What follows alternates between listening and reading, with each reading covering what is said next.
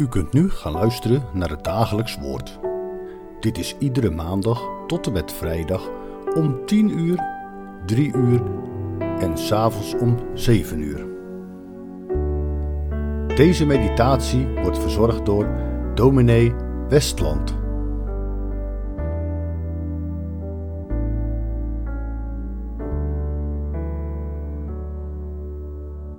Welkom, fijn dat u op deze woensdag weer luistert naar dagelijks woord.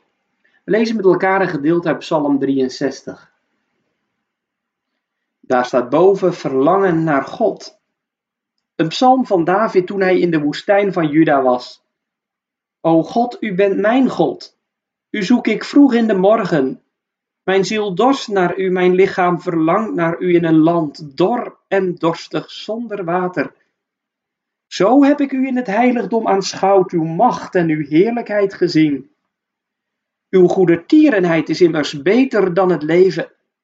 Daarom zullen mijn lippen u prijzen, zo zal ik u loven in mijn leven. In uw naam zal ik mijn handen opheffen. Mijn ziel zal als met vet en overvloed verzadigd worden. Mijn mond zal roemen met vrolijk zingende lippen. Tot zover Psalm 63. Wij zeggen wel eens een keer: wat zie je erin? En soms kan dat ook wel tegen u of jou gezegd worden. Wat zie je erin? Wat zie je eigenlijk in de kerk? Waarom ga je naar de kerk? Je kunt toch ook wel geloven zonder de kerk? Ik heb de kerk niet nodig, zeggen mensen wel eens. David, die kan niet in het heiligdom komen. Maar wat mist hij terwijl hij in de woestijn van Juda is, het heiligdom zo ontzettend? Wat heeft David daarin dan gezien? Hoor, wat zegt hij in vers 3? Zo heb ik u in het heiligdom aanschouwd, uw macht en uw heerlijkheid gezien. Uw macht en uw heerlijkheid. Daar zit het hem in. Laten we die woordjes eens onder de loep nemen. Macht, sterkte, je zou ook kunnen vertalen met kracht. David heeft dat gezien in het huis van God. Je zou dat niet 1, 2, 3 verwachten. Als ik aan de kracht van God denk, dan denk ik vooral aan de schepping. Als het onweert, wat kun je jezelf dan klein voelen? Je krijgt ook een indruk van Gods grootheid als je ziet wat de natuur kan uitrichten. Nu zegt David, in het heiligdom heb ik de kracht van God gezien. Waar moet je dan aan denken? David kwam in het bijzonder in het heiligdom op de grote feesten. Pasen, Pinksteren, Loofhuttenfeest. Ze vertelde van de grote daden van God. In dat heiligdom werd ook gezongen door de priesterkoren. Ze zongen de psalmen tot Gods eer. De psalmen staan ook bol van de grote daden van God. Ik denk ook aan de offers. In de offers kwam de daad van verzoening aan de orde. Dat God met mensen te maken wil hebben, hun zonde vergeeft. Als dat dier geslacht werd en het schreeuwde, dan klonk daarin door: Ik voor u, daar u anders de eeuwige dood had moeten sterven. Offer dat gebracht werd verkondigde: de schuld is betaald. God verzoent de zonde. Wat zie je in de kerk? Nou, in de kerk wijst ook alles heen naar de macht en de sterkte van onze God. In de kerk ligt dat dikke boek open. Dat boek dat vol staat met de daden van God. Dat vertelt hoe hij alles geschapen heeft en zijn schepping onderhoudt. Dat hij de verlosser is. De Bijbel vertelt ons dat God ons opzoekt in onze duisternis door zijn zoon naar de aarde te sturen. Jezus, hij is de kracht van God in levende lijven. Nee, als je hem daar zo ziet liggen in de kribben van Bethlehem, zou je dat niet verwachten. En als je hem ziet staan, gemarteld en afgetuigd voor Pilatus, dan denk je, hij, sterkte, kracht. En als je tenslotte aan het kruis ziet hangen, dan heb je alle hoop opgegeven. Een worm is het, geen man. Als we hem aanzien, zo is er geen gestalte dat we hem begeren zouden. Maar juist zo is hij de kracht van God bij uitstek.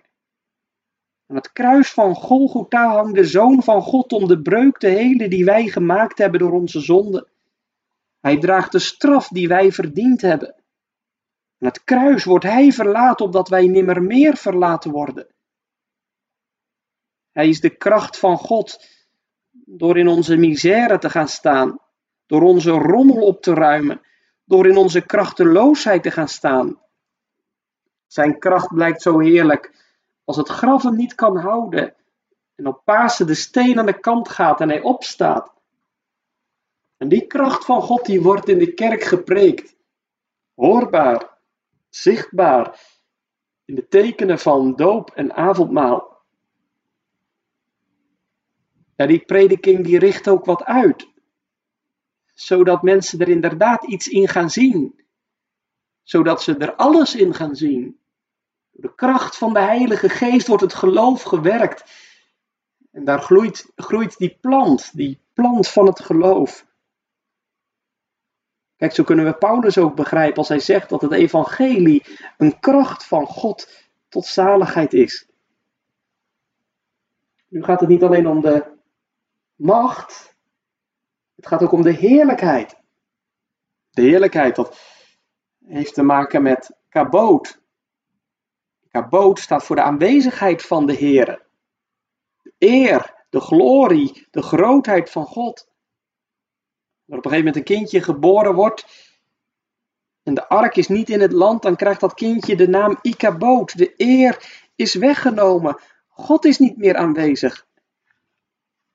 In het heiligdom heeft David niet alleen de grote daden van God gezien, hij heeft er God zelf ontmoet. God is daar aanwezig.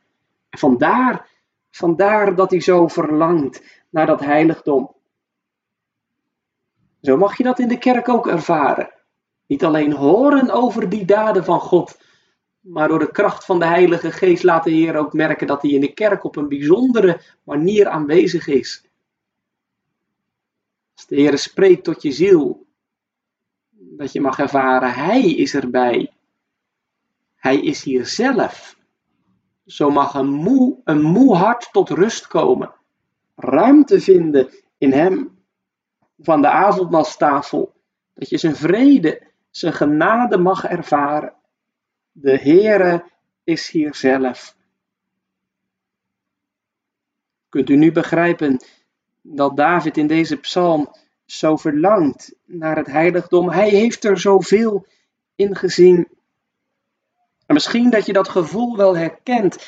Je kunt niet meer gaan naar het huis van God. Het gaat niet meer vanwege je gezondheid.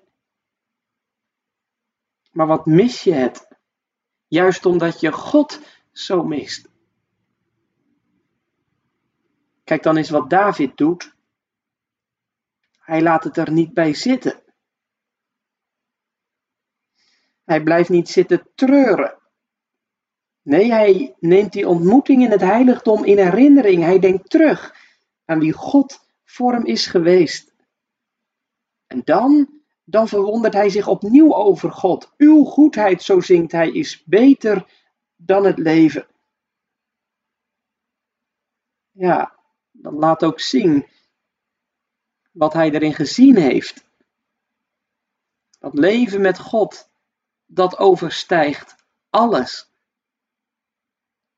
Door de zonde is ons leven vergankelijk en tijdelijk. Er is niets in dit leven waar we werkelijk op kunnen bouwen. Het gaat voorbij. dan hoef je niet te zeggen, zo gaat dat nu eenmaal, zo is het leven. Nee, er is iets wat meer is en wat groter is en wat rijker is. God zelf, de eeuwige God. Op Zijn goedheid kun je bouwen. Zonder Hem ben je verloren. Maar wie Hem kent, die kent het leven. Het leven tot in eeuwigheid. Als David zo terugdenkt aan die kerkdienst, en als hij dat zo tot zich door laat dringen, dan krijgt hij iets van de vreugde terug, terwijl hij ver van het heiligdom is. Hij begint te zingen. Ik zal u loven in mijn leven. Ja, hij vindt zijn verzadiging in God. Zo mogen wij ook terugdenken aan wat de Heere ons heeft gegeven. Juist ook als het zo donker is van binnen en God zo ver weg lijkt. Denk eens aan de zegeningen van vroeger. Let op de daden van God. Om dan te merken dat de Heer opnieuw overkomt. Dat hij opnieuw zijn genade wil laten ervaren. De vreugde over hem. Zicht op dat eeuwige leven. Nu al en straks volkomen. In de schaduw van uw vleugelen zal ik vrolijk zingen. Het is mij goed om nabij God te zijn en mijn vertrouwen op de Heere te stellen. Amen. Laten wij samen bidden. Trouwe Heer in de hemel, wij danken u voor uw woord. Wij danken u dat daar zulke herkenbare ervaringen in staan.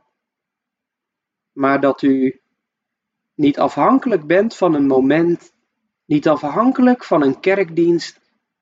Nee, u wilt telkens weer spreken tot onze ziel. Ik ben uw heil alleen. U wilt overkomen, zodat we uw genade mogen proeven, uw nabijheid ervaren. Hij is bij mij. Hij kent mij. Hij leidt mij. Heer, geef dat we het zo van u verwachten, dat we niet leven voor eigen rekening, maar dat we, dat we u zullen verwachten, dat we u dienen. Heren, wij bidden u, wilt u ons zo zegenen. In alle omstandigheden van het leven. U kent ons, u weet wat nodig is. Ga met ons. Deze dag. We vragen u, Heren, wilt u zijn bij deze wereld waarin we leven. Een wereld waar zoveel gaande is. Wees ook bij uw kerk. In ons dorp, in ons land, allerlei plaatsen in de wereld, in zoveel omstandigheden. Bouw uw kerk en geef dat die grote daden van u geroemd en geprezen worden. Bouw uw koninkrijk zo tot verheerlijking van uw grote naam, om Jezus wil. Amen.